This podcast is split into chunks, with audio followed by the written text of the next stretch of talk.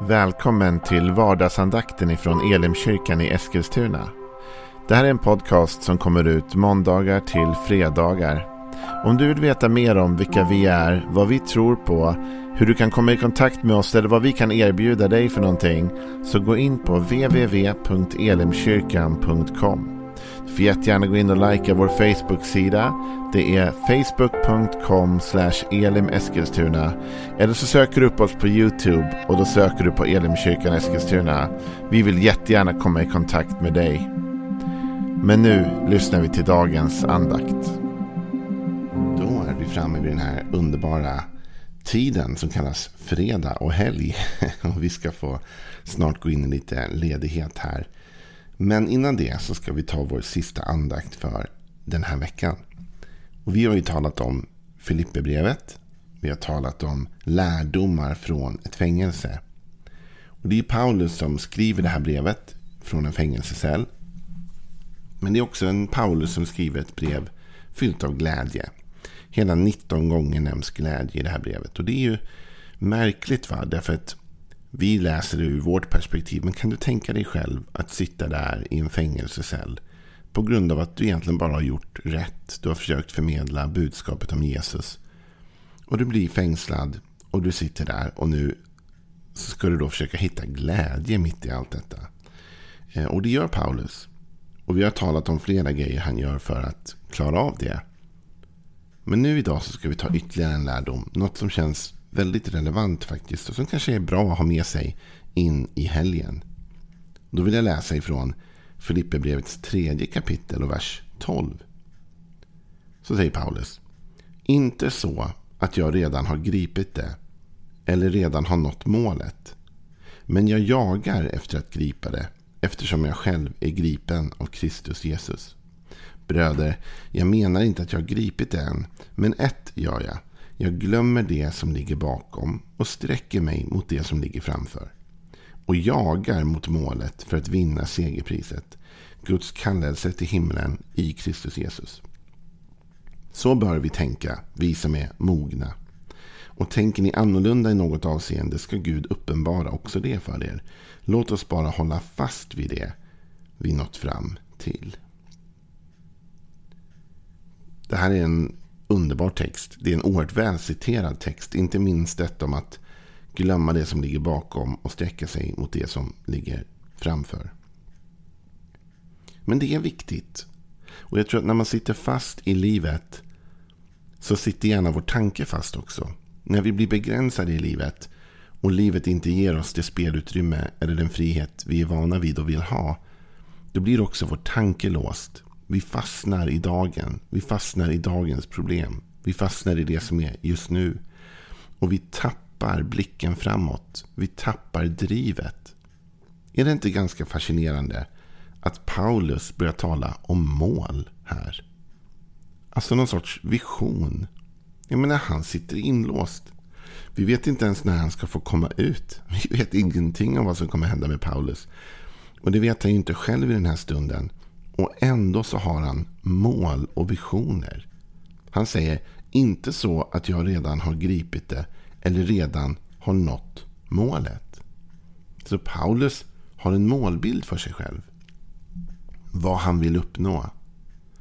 Och den håller han fast vid även om han nu sitter fast i fängelset.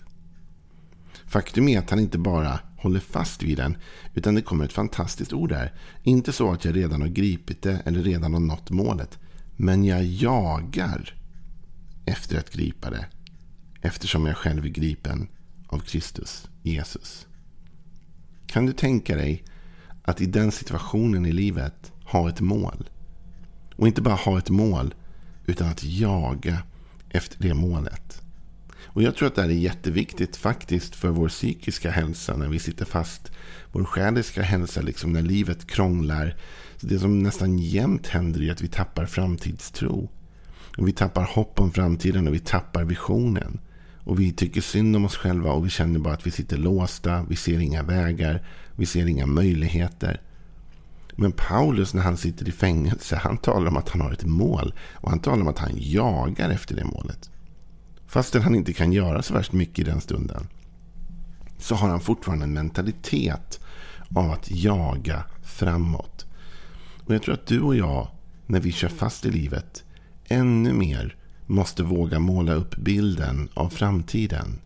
Måste våga tro på det som ska komma. Jag menar, det är där hoppet finns. Ett annat enormt välciterat bibelord är från Jeremia, och vers, eh, Jeremia kapitel 29, vers 11. Då står det så här. Jag vet vilka tankar jag har för er, säger Herren. Nämligen fridens tankar och inte ofärdens. För att ge er en framtid och ett hopp.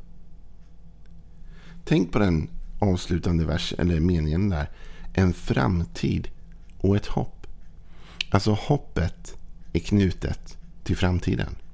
Det är när jag kan se en framtid för min inre blick, för mitt inre öga. Som också hoppet finns och lever. Men när jag tappar en framtidstro, en framtidsvision, då tappar jag också hoppet. Paulus säger vid ett annat tillfälle att ett hopp som man ser uppfyllt är ju inte ens ett hopp längre. Alltså hoppet lever alltid i framtiden. Man hoppas på någonting. Men det innebär ju också att om jag tar bort framtiden ur mitt tänkande, då tar jag också bort hoppet. Så ser jag bara mig själv just nu, i det jag är just nu, och inte längre kan se en annan framtid, då har jag också tagit bort hopp ur mitt liv. Jag vet inte vad du går igenom just nu. Jag vet bara att livet är svårt för många människor. För alla människor. Och att då och då så går du och jag igenom ökenperioder och perioder av fängelse. Inte det att vi sitter inlåsta, men vi blir begränsade i livet och vi brottas med den begränsningen. Och det kan vara långa perioder, det kan vara korta perioder av begränsning. Men i de begränsningarna, i den tiden, så skulle jag önska att du inte tappar blicken på en framtid. Tvärtom skulle jag vilja att du kultiverade den på något sätt. Att du idag började måla upp en bild av en annan framtid. En annan tid än den du är i nu. En tid av frihet. En tid utan begränsningar. Hur skulle din framtid kunna se ut? Måla upp en bild av det och börja jaga efter den. Därför där finns hoppet. Men om du inte kan se längre än just nu så har du inget hopp. Jag vet att det finns ett bra uttryck som visserligen inte kanske står i Bibeln men, men som, som du och jag antagligen använder oss av båda två. När det blir kärvt och tufft så säger man så här man tar en dag i taget. Eller hur? En dag i taget, en stund i taget. Ibland tar man en timme i taget. Eller en kvart i taget. Och det där är ju inte fel. Det innebär ju bara att vi, vi kämpar oss igenom det tuffa. Men det finns en fara med en dag i taget. Och det är det att det ger inte så mycket utrymme för framtiden. va? Alltså det är klart att du och jag måste ta oss en dag i taget ibland. En stund i taget. Men vi, får alltid, vi måste ändå alltid ha ett längre perspektiv. Va? Vi kan ta en dag i taget på väg mot vår framtid. Men låt inte en dag i taget bli ett så snävt fokus att du inte längre har en framtidstro. För om du inte har en framtidsvision eller framtidsbild längre, då har du inte heller något hopp. Och du kanske tänker så här som lyssnar på det här, men jag har ingen framtidstro. Jag vet ingenting, jag har ingen tilltro till framtiden. Då skulle jag vilja att du satte dig ner och bad till Gud att han fick ge dig en framtidsvision, en framtidstro. För han vet vilka tankar han har för dig. Han vill ge dig en framtid och ett hopp. Då kan man sätta sig och be till Gud och säga Gud, ge mig framtidstro. Ge mig en vision, en bild av framtiden som jag likt Paulus kan jaga efter. Så att jag har någonting att ta sikte på. Så att hopp kan börja växa i mitt liv igen. Och låt din fantasi få börja verka i positiv mening. Ofta när vi sitter fängslade i livet så jobbar vår fantasi för fullt. Men den jobbar ofta för fullt i negativ mening. Alltså när saker börjar kärva ihop sig så börjar vi ofta mentalt måla upp en bild av hur mer det kan gå fel. Men här talar ju Paulus om att han jaga efter en framtid. Jaga efter ett mål, en vision. Det handlar om att kunna lämna det som ligger bakom sig för att kunna ta sig vidare. Paulus talar ju om det. Han säger ju att han har inte gripit framtiden ändå. Men ett gör jag sen. Jag glömmer det som ligger bakom. Och jag sträcker mig mot det som ligger framför. Det är två saker här. Va? Det är att glömma det som ligger bakom. Men också att aktivt sträcka sig mot det som väntar framför. Inte bara sitta fast i nuet. Paulus han glömmer och det fanns nog mycket att glömma. Jag menar, hade han börjat tänka på varför han överhuvudtaget satt i den där fängelsecellen och hur orättvist det var med tanke på att han inte hade gjort något fel. Och alla saker han hade gjort i livet innan som han kanske skämdes över. Hur han hade förföljt kyrkan och de kristna och alla saker och dessutom allt han har behövt gå igenom. Paulus gick igenom mycket lidande och förföljelse. Men Paulus säger, jag glömmer det. Och det är ju inte så att han bara helt plötsligt magiskt inte längre tänkte på det. Det är ett aktivt val han ställer upp här. Men ett gör jag. Alltså det här är något jag aktivt gör. Jag glömmer. Jag väljer att lägga det bakom mig. Det är inte så att Paulus inte kom ihåg det längre. Men han valde att inte fokusera på det. Jag lägger det som har varit bakom mig. Och nu sträcker jag mig mot det som ligger framför. Mot framtiden, mot hoppet, mot målet jag har. Och just det här ordet att sträcka sig. Det är inte bara jag går mot framtiden. Det är inte bara jag tar ett steg till i rätt riktning. Jag sträcker mig. Jag gör en ansträngning för att komma åt ett annat håll nu. Och vinna segerpriset där framme. Och så säger Paulus. Så bör vi tänka. Vi som är mogna. Med andra ord. Paulus säger det här är det rätta sättet att tänka när vi sitter fast. Och jag sitter i en fängelsecell. Jag älskar detta att det är Paulus som säger detta. Och att han säger det just nu. Jag menar. Det är ibland lätt att lyssna till sådana här eh, självhjälpsgurus och andra. Va? De är säkert jättebra. Liksom. Men när man lyssnar till dem som man ser att de lever det perfekta livet, vad nu det är. Men man ser att de har det bra ställt och det är saker som funkar för dem. Och de säger det är bara att sträcka sig mot framtiden. Fine, det är ju lätt att lyssna till. Och det är lätt att se att du har en framtidstro. Liksom. Men lyssna på en man som sitter i fängelse. Orättvist. Han säger ni måste sträcka er mot framtiden. Det här är inte bara miljonären i lyxhuset. Och jag har inget emot miljonärer i lyxhus. Jag skulle gärna vara både miljonär och ha ett lyxhus. Jag har inget emot det. Men det är inte den personen som ger oss det här livsrådet just nu. Utan det här är en man som sitter fängslad i ett fängelse. Som är i ett lidande, i en begränsning. Som lätt skulle kunna säga, hörni, tänk vad jobbigt vi har det. Här sitter vi kvar. ska vi, nu ska vi älta våra sår. Och... Nej, han säger, hörni, vi måste gå vidare.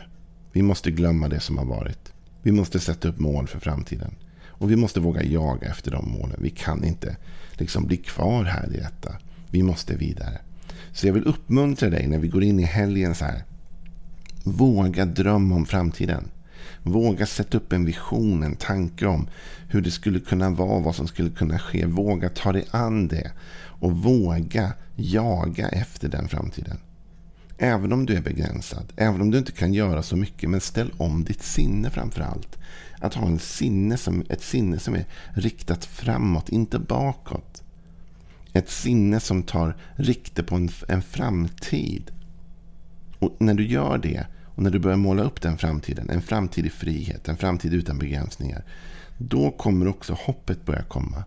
Och hoppet är en oerhörd drivkraft. Så fort vi börjar känna hopp igen, va? Då orkar vi mycket mer. Då orkar vi längre och då orkar vi hålla ut. Så det är sant. Du och jag, vi får ibland ta en dag i taget. Men jag skulle ändå uppmuntra dig att även om vi tar en dag i taget eller en stund åt gången. Låt oss ha ett längre perspektiv, en längre blick på en framtid. Då kommer vi kunna ha ny kraft, nytt hopp, nytt liv. Ha en välsignad helg nu. Koppla av, unna dig själv lite vila. Och häng gärna med vår gudstjänst på söndag klockan 11 från Elimkyrkan. Jag kommer predika, sänds live på Facebook och på YouTube. Var gärna med. Annars så hörs vi på måndag igen till en ny vecka med vardagsandakten. Hej då.